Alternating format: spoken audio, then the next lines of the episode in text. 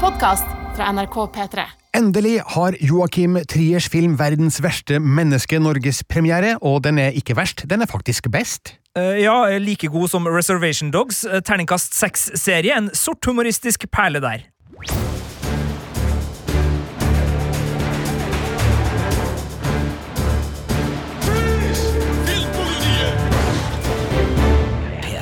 I studio Birger Vestmo, Sigurd Vik. Og Marte Hedenstad. og du Marte skal også fortelle om noe du har sett. Ja, men jeg tenkte at jeg, jeg fikk ikke lov å være med helt på starten, for det, det er ikke terningkast seks fra meg. Altså, Dobbel eh, terningkast seks på både filmpremiere og seriepremiere samme uke tilhører jo sjeldenhetene for Ja. oss i Filmpolitiet. Vi er veldig gniende med den øvre karakteren på terningskalaen, men denne uka må vi altså helt til topps på to eh, ting, altså en film og en serie, og la oss starte med filmen da, nemlig Joakim Triers Verdens verste menneske. Hva heter du for noe? Julie, Jeg heter Eivind. Eivind. ikke si det. Hvorfor ikke det? For da bare finner jeg deg på Facebook. Og så. Ja, ja, ja. Det er lurt. Ok, Ok, ha det. ha det. Vi var ikke utro, da. Vi var ikke det. Vi var ikke det. Nei. Ha det. Ha det. Ja, her hørte vi da et klipp fra Verdens verste menneske, som jeg så og anmeldt i juli, før den skulle vises i hovedkonkurransen på filmfestivalen i Cannes. Jeg var ikke i Cannes, fordi jeg var ikke fullvaksinert på det tidspunktet, men jeg fikk da lov å se filmen her hjemme i Norge, og ble fullstendig bergtatt av Joakim Triers nye film. Mest på grunn av Renate Reinsve, egentlig, som vi hørte i det klippet her, og det var jo flere som eh, falt for hennes prestasjon i Cannes.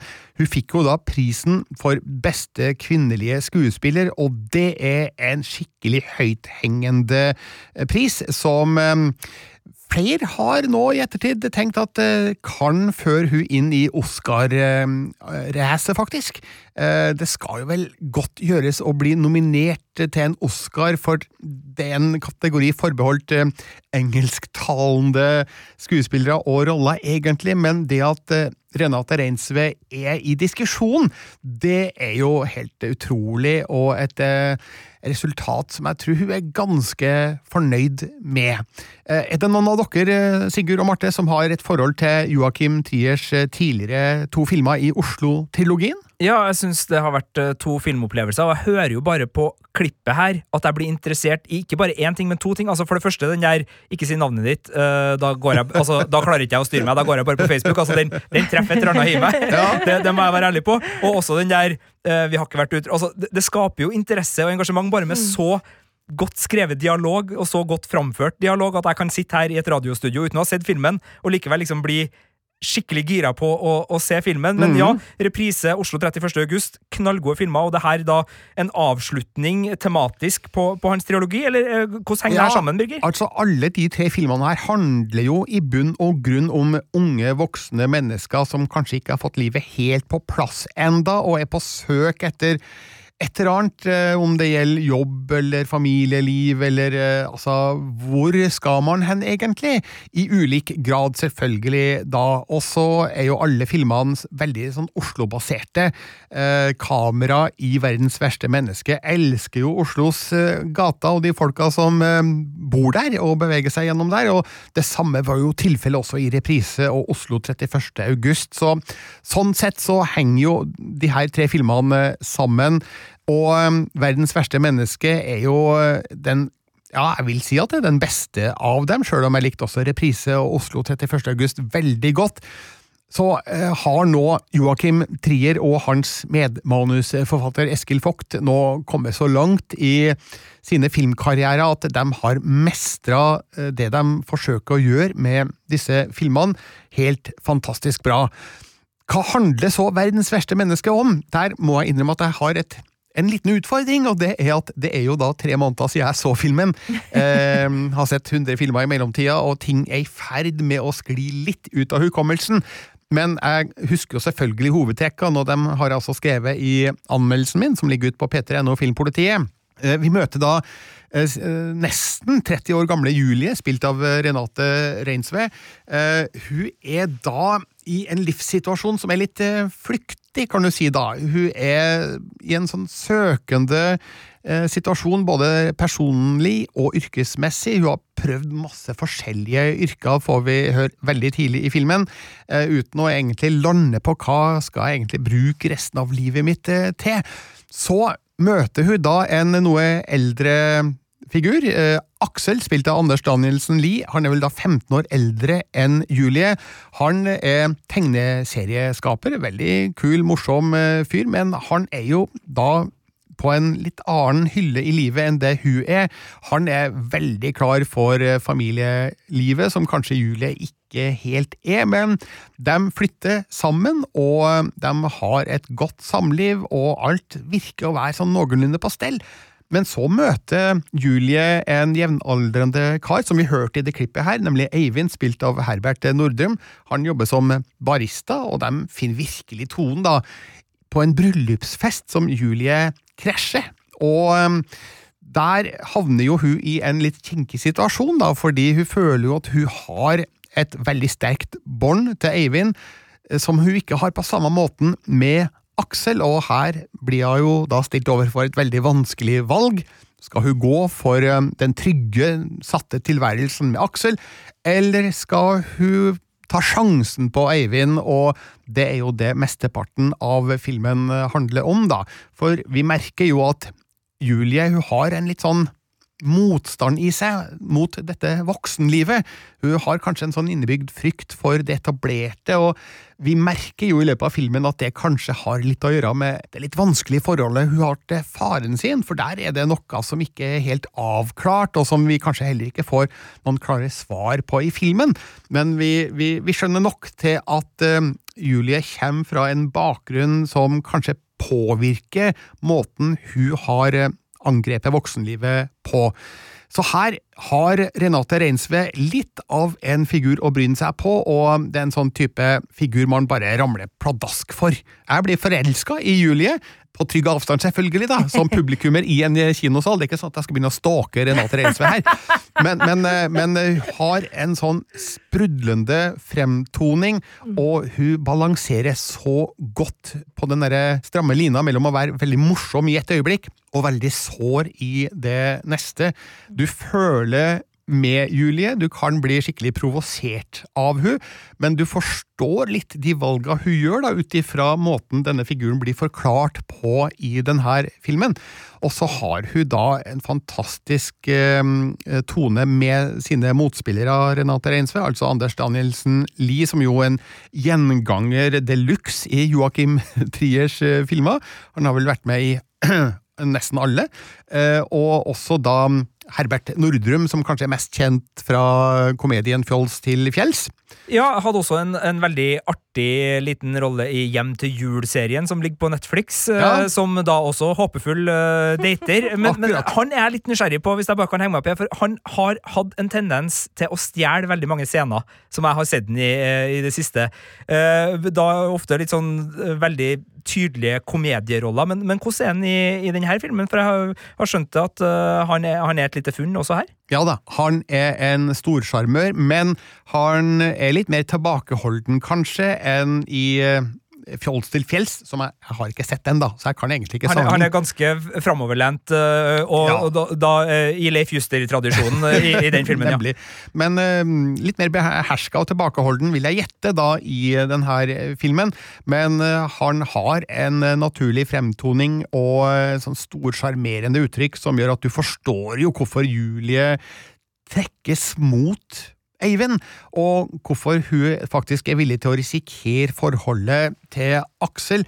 Eh, Så det er absolutt to forskjellige eh, karer hun forholder seg til i denne filmen, og begge to har sine sterke kvaliteter, men på litt ulike vis, kanskje. Og så liker jeg jo at det er jo ingen eh, her i filmen som er rene skurker, liksom. Altså, du forstår alle tre, og du liker alle tre, og så har du en litt sånn sorg inni deg for at ikke begge forholdene er mulige å få til samtidig. Du vil liksom ha to parallelle univers, der Julie er sammen med Aksel i det ene og Eivind i det andre, fordi begge forholdene virker så ålreite, sett utenifra.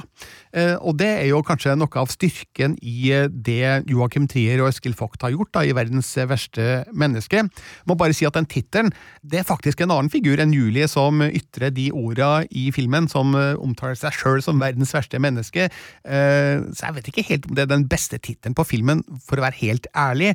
Altså, i Frankrike så heter den Julie i tolv kapitler, eh, for eh, filmen er oppdelt i tolv kapitler, og skildrer da ulike sider ved eh, Julies liv, som vi da til slutt får en slags konklusjon på, eller gjør vi? Ja, det får du se filmen for å finne ut av, men i hvert fall så er det en eh, varm, vittig og voksen film, og ja, det er tre v-er på en gang, jeg vet, men det er absolutt eh, dekkende for en film som er for et modent publikum, men den har nok av eh, kvaliteter som også kan eh, gjøre at eh, de yngre vil få god underholdning og godt utbytte av å se den. Jeg merker at Når du sitter og forteller der nå, Birger, så blir jeg litt sånn der, jeg blir bergtatt av historien, og jeg gleder meg til å se den selv og oppleve de der menneskelige sidene ved handlingen som du beskriver veldig fint. Så det høres jo kjempebra ut. Men jeg vet at sekseren i Filmpolitiet henger jo skyhøyt. Eh, Det er ikke bare en veldig god film, den, det er på en måte en film som er hevet ett hakk opp. Den har den liksom noe spesielt ved seg. Ja. Altså Utover det du har sagt nå, hva er det som gjør at den, denne filmen er så bra at det blir terningkast seks? Det er vanskelig å sette ord på akkurat hvorfor én film trekkes opp på sekseren, mens en annen en som kanskje omtales på lignende måte, trekkes ned til, til femmeren. Det går på gut feeling, på magefølelse. Uh, men jeg satt jo der i kinosalen og ble betatt av dette universet, altså Oslo, slik det fremstår i filmen, og jeg elska alle figurene, og jeg kjente meg igjen i mange av dem, og hvordan de håndterer livet. Kanskje har jeg hatt det på samme måte på et eller annet tidspunkt, kanskje har jeg det på samme måte på ulike vis akkurat nå, men det er ting her som jeg kjenner meg igjen i, og um, lever meg inn i, og tenker at ja, men det her er jo sant. Det som formidles, det er ekte, det er troverdig, og jeg tror at det er gjenkjennelig for, for veldig mange.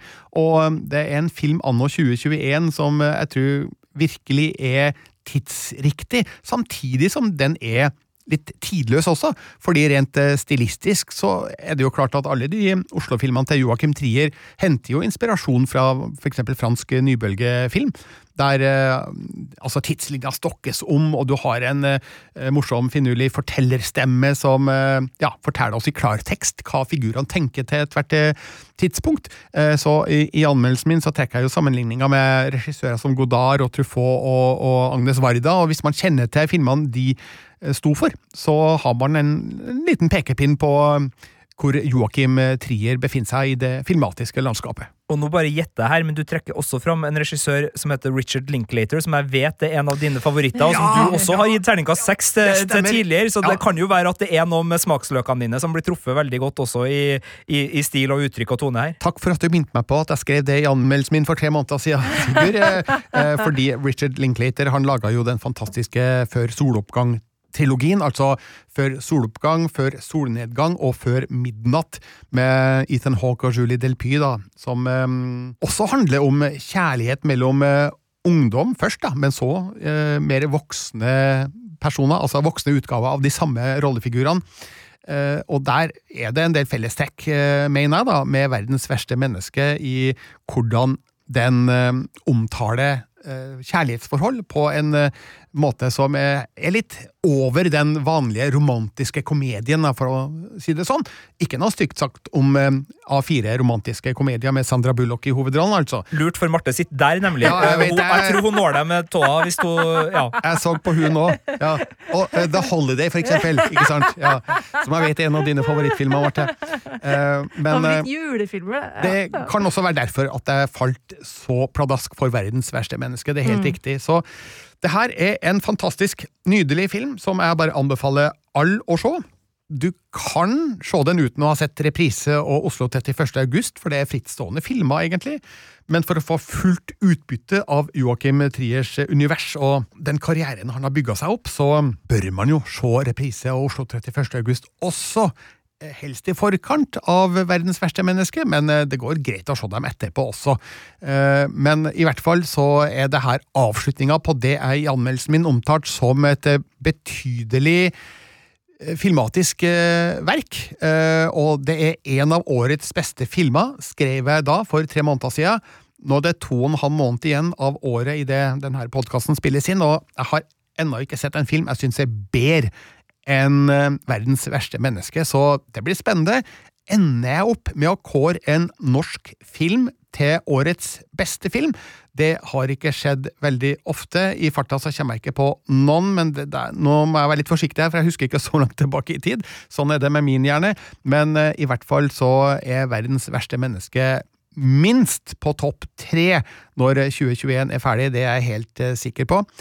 Marte, skal du se verdens verste menneske? Åh, jeg skal så eh, helt klart se den. Jeg gleder meg skikkelig. Nydelig. Og Sigurd har jo allerede kanskje skjønt hva ditt svar er? Ja da, den eh, eh, Altså, jeg må bare finne eh, det optimale tidspunktet, og, og på en måte finne den optimale kvelden rundt. For her føler jeg at det er greit å ha med noen gode venner som man kan gå ut og ta et glass og diskutere litt med etterpå. Absolutt. Og jeg er veldig glad for at Norge er gjenåpna nå, slik at flest mulig kan komme seg inn og se verdens verste menneske. Eh, Litt sånn småusikker på akkurat eh, hvor stort publikumspotensialet den egentlig har, og nå er det jo James Bond som eh, dominerer kraftig. Men jeg håper at den vil finne et eh, stort publikum, for den er altså så god at den fortjener å bli sett av så mange som mulig.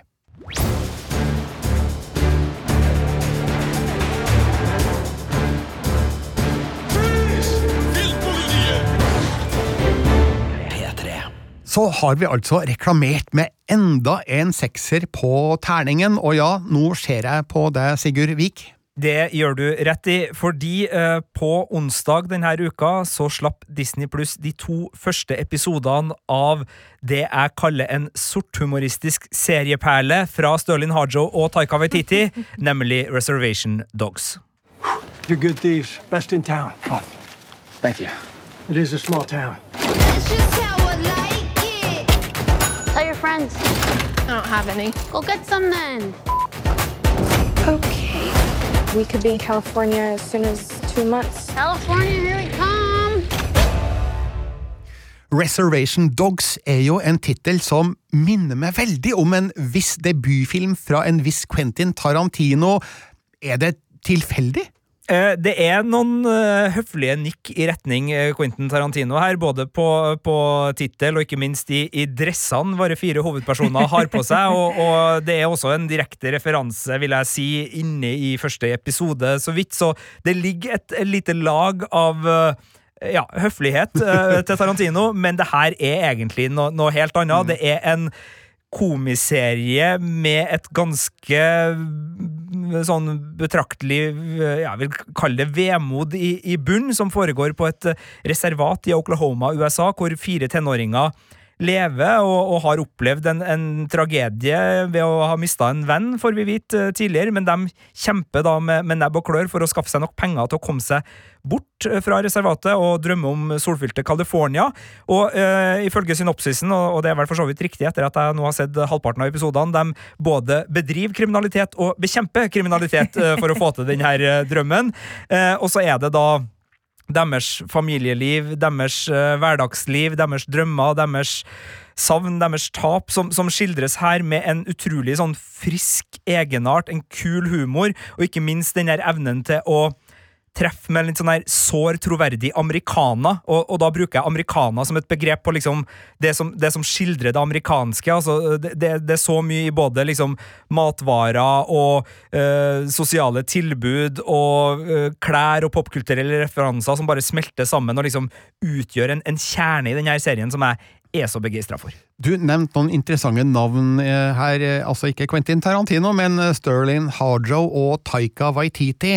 Kan du si litt om hvem det er, for de som ikke vet det? Ja, altså, Taika Waititi er jo den mest kjente her. Han er jo både skuespiller, regissør og serieskaper i, i flere ledd. Han har laga Thor Ragnarok, som kanskje er den morsomste superheltfilmen fra Marvel-universet, eller Cinematic Universe. Han har laga What We Do In The Shadows-filmen, og står da også som ansvarlig produsent for serien, som er ja, The Office for vampyrer, eller Spinal Tap for vampyrer, som du kalte da du anmeldte filmen, Birger.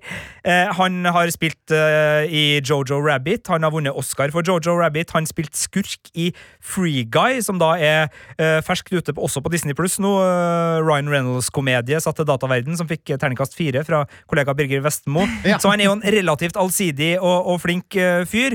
Han er medserieskaper her. Eh, jeg sitter med en følelse av at Sterling Harjo i hvert fall eh, representerer halvparten av den andre biten. Han kommer fra et eh, eh, sketsjkollektiv som heter 1491, uh, hvor han har med seg flere av sine kollegaer derfra inn i det prosjektet her.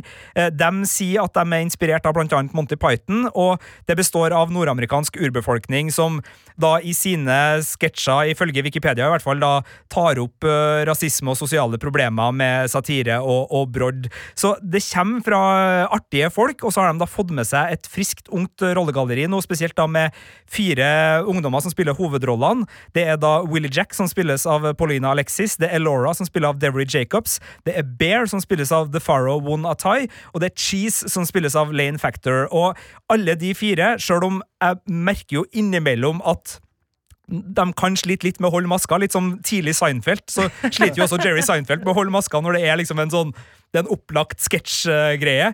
Eh, Så syns jeg de gjør en helt fantastisk innsats. Og de har da også med seg Gary Farmer, kjent fra Deadman, altså Jim Jarmer sin klassiske eh, alternativ-western fra 1995, hvor han spiller mot Johnny Depp. Og ikke minst da for alle Fargo-fan, så er jo også uh, San McLarnon uh, med her, som da storspilte i sesong to av Fargo.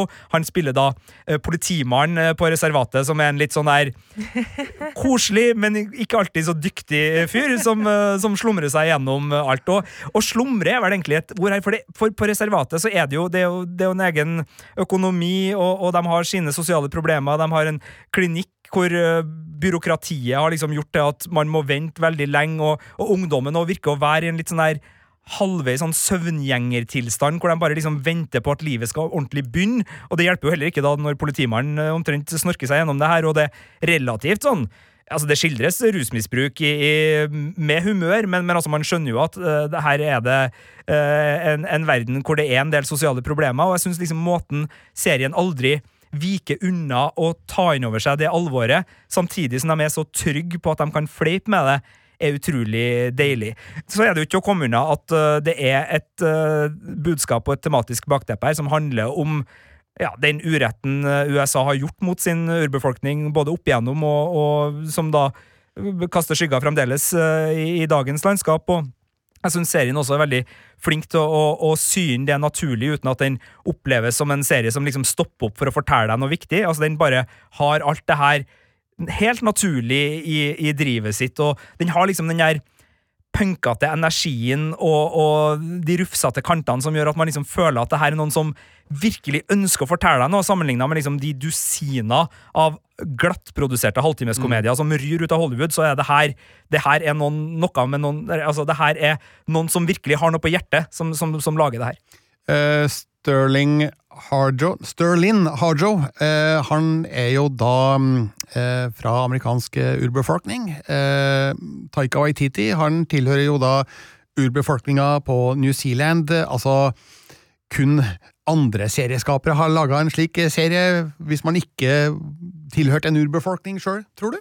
Eh, Altså, det, det er et veldig vanskelig spørsmål å svare på, men det er i hvert fall ingen tvil om at her eh, altså Det handler jo om representasjon. altså Hollywood, eh, spesielt gjennom westernsjangeren, har jo en veldig bråkete fortid med hvordan de har representert amerikansk urbefolkning. Det er det jo ingen tvil om, og det har vært skadelige stereotypier, og de har vært veldig lite interessert i å, å, å gå, gå dypere inn på massakrer og, og landområder og sånne ting. Og det her er jo en serie som helt naturlig gjør det, nettopp fordi de som lager det, eh, kan de historiene og, og, og har sine historier å fortelle.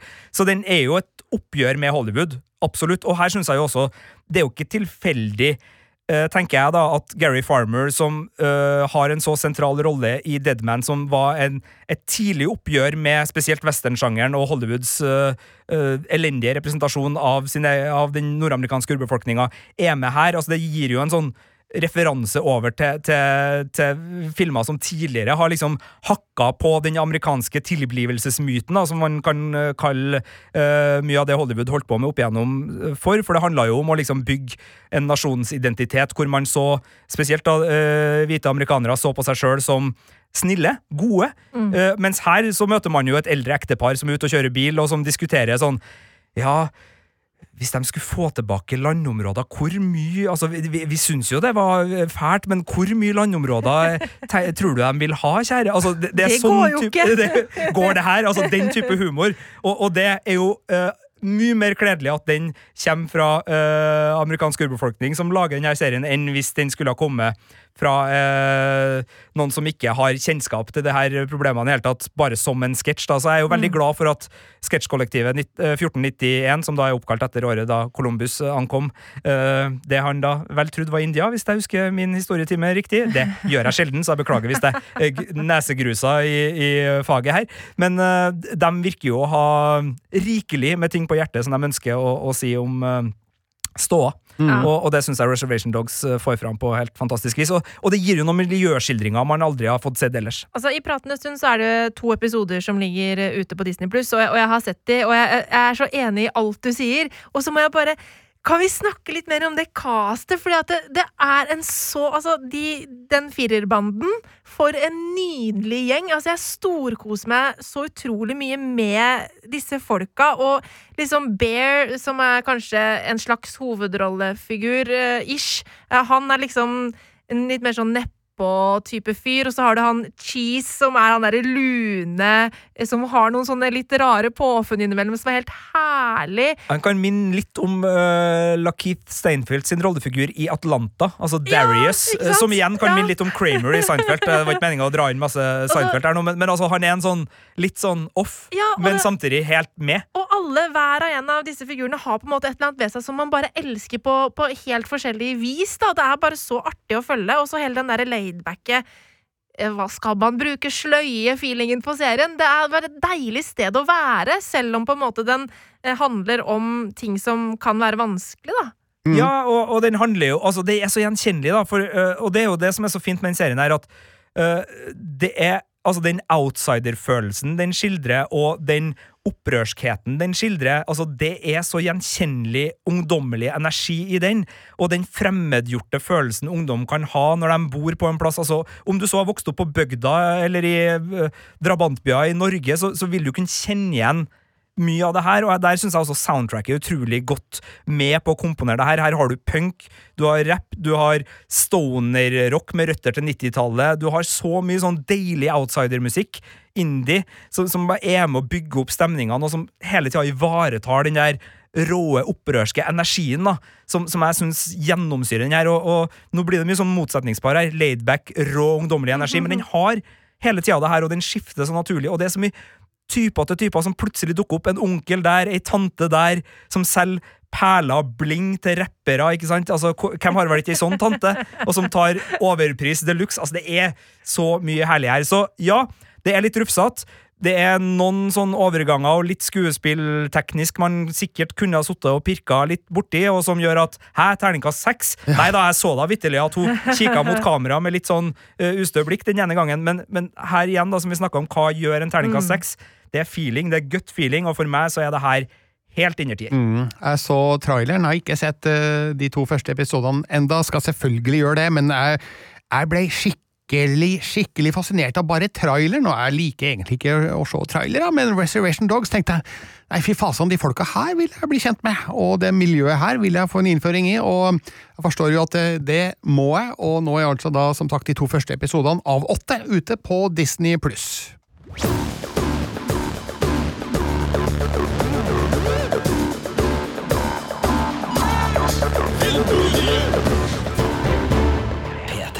Og så langt i podkasten har jeg vært skikkelig begeistra for Joakim Triers Verdens verste menneske, og nå har Sigurd nettopp eh, gitt sekser også til Reservation Dogs.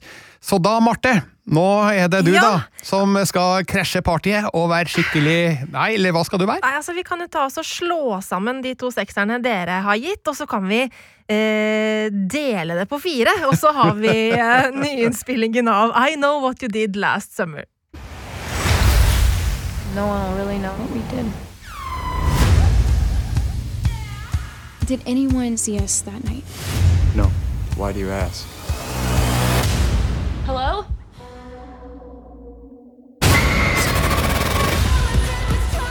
Everything was fine until she came back.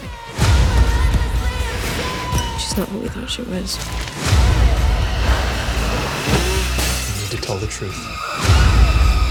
What if I I Know What You Did Last Summer. Det er en god, gammel klassiker. Det vil si, jeg husker ikke lenger om den var god, men det er i hvert fall en eh, skrekkfilmserie fra en del år tilbake. Ja, altså 1997, da kom jo den første filmen i den serien, og det var jo en hel haug med stjerner som, eh, som var med der. Eh, Ja, det, var, ja, det- var jo litt sånn Sånn som jeg husker det da. Så var liksom Først så kom Skrik fra West Craven, og liksom eh, bygde om litt på, på skrekksjangeren og gjorde den litt mer eh, humørfylt. Ja, og, og oppdatert den. ja, Ja. og, og litt mer selvrefleksiv. Og så, eh, ett eller to år etter, da, litt avhengig av hvor ute på bygda du, du bodde i, ja, eh, For meg så tok det noen år.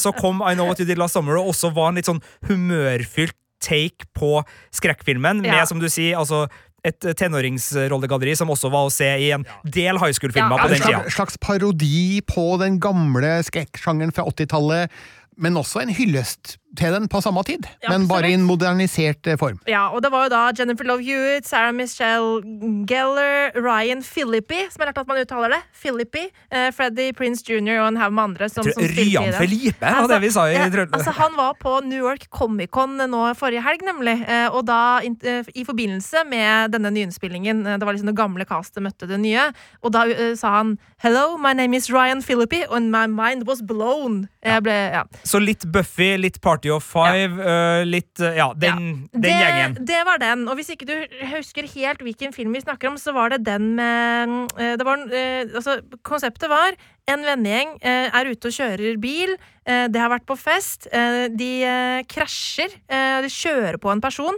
Eh, men så finner de liksom ikke helt se. De skjønner ikke helt hva som skjer. Har de kjørt på noen? Eh, har de drept noen? Hva skjer? De later som ingenting, og så kommer det en eller annen fyr med en krok et år senere og begynner å slakte ned eh, alt som er av folk. Konseptet i denne nye TV-serien til Amazon Prime Video er da det samme, men litt annerledes. Og det som er greia er at dette her er jo egentlig basert på en roman eh, fra 1973 som heter det samme, skrevet av Lois Duncan. Um, men denne gangen så handler det da om en eh, vennegjeng eh, på Hawaii denne gangen, eh, som har vært på fest. Avslutningsfest for high school. Det er dop og alkohol med i bildet. De kjører hjem fra festen, selvfølgelig, krasjer og dreper en person. Tvisten i denne, vers eh, denne versjonen er at eh, det er hovedpersonen eh, i serien er da en eh, skuespiller som heter Madison Iceman, som spiller tvillingene Lennon og Alison. Og det er da den ene tvillingen som kjører på den andre. Oi, oi, oi! Ja. Da, da, da. Okay. Men, men altså, det her høres ut som et plott som har blitt kasta bort fra Riverdale-manusforfatterne sitt øh, årlige møte, og det øh, sier litt, for det er en serie som har skrevet ut. Men altså, de her greia, da, mener jeg, med, med Eller utfordringa til I Know What You Did Last Summer-plottet, er jo at nesten alle krimserier og litt sånn såpete serier har hatt en variant Mm. av det her Ja. i nå 20 år. Eh, Så, så liksom, man er så vant med det. Det har blitt en sånn mekanisme som dukker opp i så mange serier og i så mange varianter. At selv om man da hiver inn en tvilling her, så, så har man jo likevel en sånn Hvordan skal man klare å liksom fornye det og gjøre det spennende? Og da er jo Det spørsmålet, Marte, hvordan klarer de å fornye det og gjøre det spennende? Hvis Nei, de klarer det? eh, Det Amazon forsøker eh, med å fornye og gjøre det spennende, er at de, de pakker det inn eh, i en del sånn neonbelysning fra den festkvelden som de stadig vender tilbake til i flashbacks. De kjører på med, med masse rus og sex og tenker at dette her er på en måte en slags slasher-versjonen av Euphoria. Eh, liksom tenåringsangst, depresjon, sex, rus og slasher, Mm. da har vi en innertier. Men, Men- det har de jo selvfølgelig ikke. Men har de i det minste noen gode jump scares? Altså sjøl de mest middelse skrekkfilmene har i hvert fall et par tilfeller av det. Nei, ikke i de fire episodene jeg har sett. Eh, Det er forsøk på noen litt sånn Det er forsøk på jump scares der, eh, og det er forsøks på Uh, Og det er noen brutale mord som vi får uh, være vitne til, uh, men jeg blir aldri redd. Og dere som kjenner meg så godt, vet jo hvor skvetten jeg er. Sånn at når jeg aldri skvetter, det sier litt om hvor mildt dette her er. Um, Så det er en skrekkserie som ikke er skrekk? ja, det er, og det er det som er at den, det er akkurat som at den prøver å være det Euphoria var. For det er jo det som er en trend i tiden akkurat nå. Alle ungdomsserier for tida skal være litt Euphoria. Eh, Du skal ha litt tenåringsangst. Du skal på en måte eh, ha den der problematiske greia. Sånn som i, i denne serien så er det jo da Lennon og Alison som er tvillingparet. Eh, Lennon er hun populære pene tvillingen som, som eh, She's all that. ikke sant? Som eh, eh, selvfølgelig egentlig har et eh, konfliktfylt indre og sliter med masse ting. um, mens Alison er hun uh, inneslutta tvillingen som ikke har noen venner. Altså sånn, eh, alle har sitt å, å stri med. eh, og så er det jo masse forskjellige komplekser og eh, rusproblematikk og problemer og alt mulig sånn i denne vennegjengen som vi også følger. Eh, men problemet er at manuset er såpass dårlig at jeg bryr meg ikke en dritt om noen av dem. Eh, og da har det heller ingenting å si om de blir drept. Nemlig. Og eh, da regner jeg med at eh, den terningen du har eh, gitt uh, I Know What Ja. You Did Last Summer, reflektere det, men treer Ja, treer, det er ikke så ille. Det, det er ikke så ille Nei, heller. Så eh, hva, hva er det som gjør at uh, du syns at det er noe her likevel? Det som gjør at den ender opp på en treer og ikke en toer eller ener, er at den appellerer til noe av det samme som gjorde at jeg har sett alle sesongene av Pretty Little Liars. Ah. Uh, den, og jeg, jeg sitter og jeg lurer på hvem morderen er. Ja. Så der klarer den å være inne på noe. Jeg lurer på, akkurat sånn som jeg lurte på hvem A var i, i Pretty Little Liars, så lurer jeg på hvem morderen er denne gangen. Jeg hadde det samme med Nancy Drew-serien mm eh, fra The Seaway Network. Den fikk riktignok terningkast fire av meg, for jeg Ja. synes der var detektivhistoriene også eh, interessant nok. Tror det jeg ga den fire. Kanskje jeg ga tre. Jeg husker ikke. Men, jo, men, men jeg, skjønner hvor du er, Ja. for, for da er det den der gode frossenpizza-underholdningsvibben som, som eh, holder det gående, og som gjør at Ja. man, man tåler en episode. Og, og kontrollspørsmålet på her er jo ja. Du har fått fire episoder. Kommer du til å fortsette å se det? Jeg kommer til å fortsette å se sant. det. Men, men, ikke sant? men det er en treer, og den eneste grunnen til at jeg kommer til å fortsette å se på, er fordi jeg er nysgjerrig på who did it, og hvem er denne seriemorderen som, som, som går igjen her. Men nå har du altså sett uh, I Know What You Did Last Summer med seriekritiske briller. Det har jeg. uh, eller øyne, da. Du bruker ikke briller. Jeg, Eller, jeg har faktisk briller som jeg altfor sjelden bruker, Ja, så det, ja, begynne å ta de på. Det, det var en digresjon, da. Men, men altså, hvis du hadde sett serien uten å være nødt til å skulle anmelde den, Ja. hadde du kanskje sett den litt annerledes da, eh, tenker du? Altså, jeg spør fordi Ja, at jeg ja, ja. tenker sånn med meg sjøl når jeg har anmeldt en film. Ja, eh, absolutt. Eh, det er lettere å på en måte kanskje bare la ting gå, og ikke være så nøye på det når du kanskje bare sitter og ikke bryr deg så mye på en, en eller annen søndag i sofaen. Og jeg tror nok at Målgruppen for denne serien kommer jo til å la seg underholde, eh, sånn at det er ikke så halvgærent, halvgærlig, da. Nei, hvem- er målgruppa til serien? Målgruppa er jo uh, unge mennesker. Uh, tenåringer og tidlig i 20-åra. Uh, så vil jeg si jenter av en eller annen grunn. Jeg tror det har vært målgruppa. Jeg tror det er et eller annet med den der måten disse tenåringsjentene fremstilles på i, i serien her, at den, eh, jeg tror nok at serieskaperne har hatt et lite sånn Jente 21, eller noe sånt, noe som sånn målgruppeperson når de har skrevet denne serien der. Nemlig. Jeg syns jo det er interessant at uh, i en tid hvor på en måte remakes, øh, nye, nyinnspillinger, gjenopplivninger uh, står for uh, mye av det som, som lages, Mm. så har vi da i denne podkasten fått slått fast at hvis du forteller romantiske historier på originalt vis, så får du terningkast seks. Hvis du forteller historier fra reservatet på originalt vis, så får du terningkast seks. Og hvis du bare remaker et eller annet ræl fra 90-tallet, blir det fort terningkast tre. Ja. Men jeg må spørre deg, eh, siden du ikke eh, fikk eh, nok uh, skremmegreier, eh, så kan jeg liksom Jeg kan glede deg da med at Chucky Altså Child's Play-dukka også får egen serie nå i oktober, Oh så remake-helvete fortsetter. Men den skal jeg jo ikke se, for det er jo noe av det ikke? Nei, altså, duk, altså, det er jo det skumleste. Dukker, ø, kids, speil og vinduer er det verste som fins. Så da har vi en sjanse til i uh, oktober, Birger. Hvis eh, I Know What You Did Last Summer ikke var skummel nok eh, for oss to, så får vi da uh, sjekka ut Chucky, som kommer helt i slutten av oktober nå, eh, på TV2, tror jeg, eh, og Seymour. Eh, så da får vi en mulighet til nok en remake av en skrekkfilm. Fytti rakkeren, ferdigfordøyd søtsuppe. Bla! Men I Know What You Did Last Summer kan du se på Amazon Prime. Og eh, ja, er det én episode i uka, eller alt på en gang her? Eh, nå er det vel eh, tre, tror jeg det var, som blir eh, publisert først, og så er det én episode i uka, ja. Sånn Nemlig. at det er jo bare å følge med utover høsten hvis man er so inclined, og jeg tenker at eh, det her er lettfordøyelig. Eh, Det er nok mange som kommer til å bli underholdt, men for min del så ble det bare en uh, halvveis treer der, ja. Nemlig. Hvis man vil ha flere tips til ting man heller kan bruke tida på, så kan man gå på p3.no filmpolitiet. Der har jeg blant annet anmeldt premierefilmen Halloween Kills, som har gitt terningkast fem, og kaller den den beste Halloween-filmen siden originalen, altså den som kom i 1978 i regi av John Carpenter. Og da er lista lagt eh, tålelig høyt, men jeg mener at eh, jeg kan eh, forsvare det. Så har jeg også anmeldt eh, dokumentarfilmen Aksel, om eh, utforkjører og ja, alpiniststjerne Aksel Lund Svindal, som gir et eh, veldig godt bilde av hva det koster å være på toppen i den sportsgrena der, eh, og du får et bedre inntrykk av eh, hvem Aksel Lund Svindal er som person, og, men først og fremst da som sportsutøver. Og så finner man også, også selvfølgelig da hele anmeldelsen av Verdens verste menneske og av Reservation Dogs. Skal vi også slå et slag slag til for eh, det TV-programmet som eh, ligger ute som heter Seriehøsten?